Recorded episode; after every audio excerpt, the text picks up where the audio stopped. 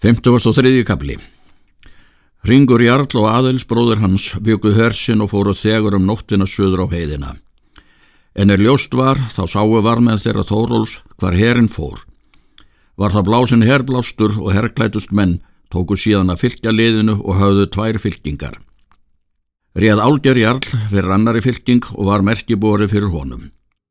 Var í þeirri fylking lið það er honum hafði fylgt og svo leið það er þar hafði til sapnast úr héröðum. Var það miklu fleira lið en það er þeim Þórólfi fylgdi. Þórólfur var svo búinn að hann hafði skjöld víðan og þykvan, hjálm á höfði all sterkan, gerður sverði því er hann kallaði lang, mikið vopn og gott. Kesju hafði hann í hendi, fjöðurinn var tveggjálan löng og slegin fram brottur ferstrendur, en upp var fjöðurinn breið, Falurinn bæði langur og digur, skaftið var eigi herra en taka mátti hendi til fals og förðulega digurt. Járntinn var í falnum og skaftið allt járn vafið. Þau spjót voru kölluð breyn þvarar. Egil hafði hinn sama búna sem Þórólfur. Hann var gerður sverðið því hann kallaði naður. Það sverð hafði hann fengið á Kúrlandi. Var það hefð besta vopn. Hvorkið þeirra hafði Brynju.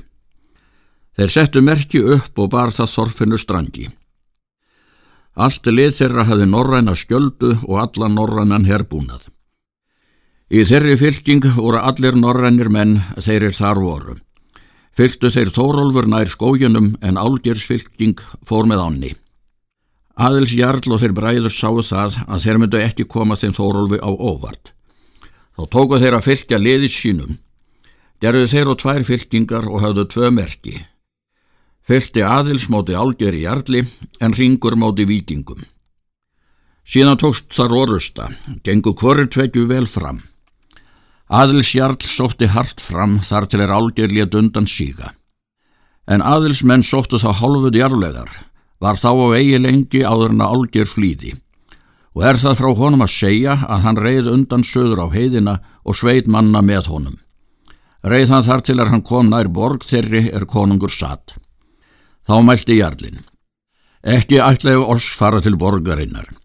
Við fengum mikið orðaskak næst er við komum til konungs, þá er við höfðum farið ósegur fyrir Ólafi konungi og ekki mun honum þykja batnað hafa vor kostur í þessi ferð. Mun nú ekki þurfa að ætla til semda þar sem hann er.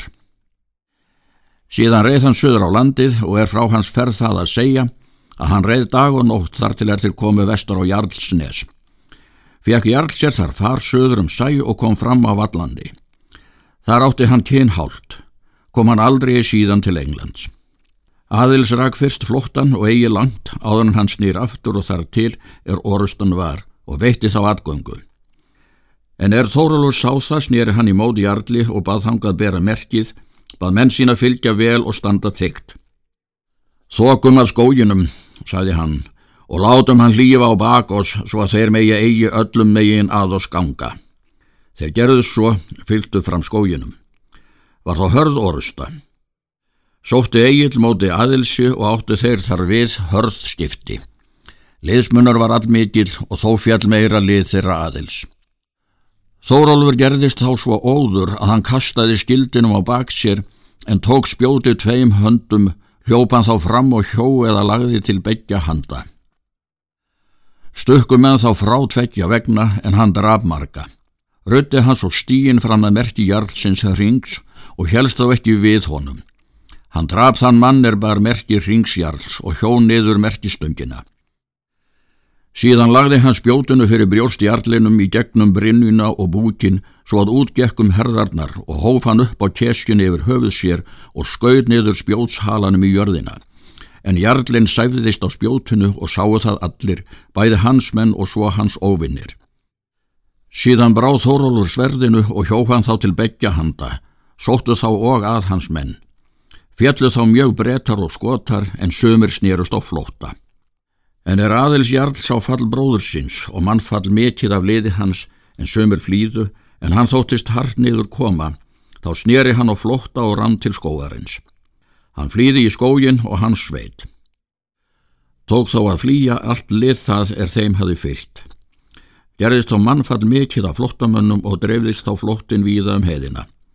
Adels Jarl hafi niður drepið merkis sínu og vissi þá engi hvort hann fór eða aðrir menn. Tók þá brátt að myrkva af nóttu en þeir Þórólfur og Egil snýra aftur til herbúða sinna og þá jafnskjótt kom þar aðalsteinn konungur með allan hersinn og slóðu þá landtjöldum sínum og bjögustum.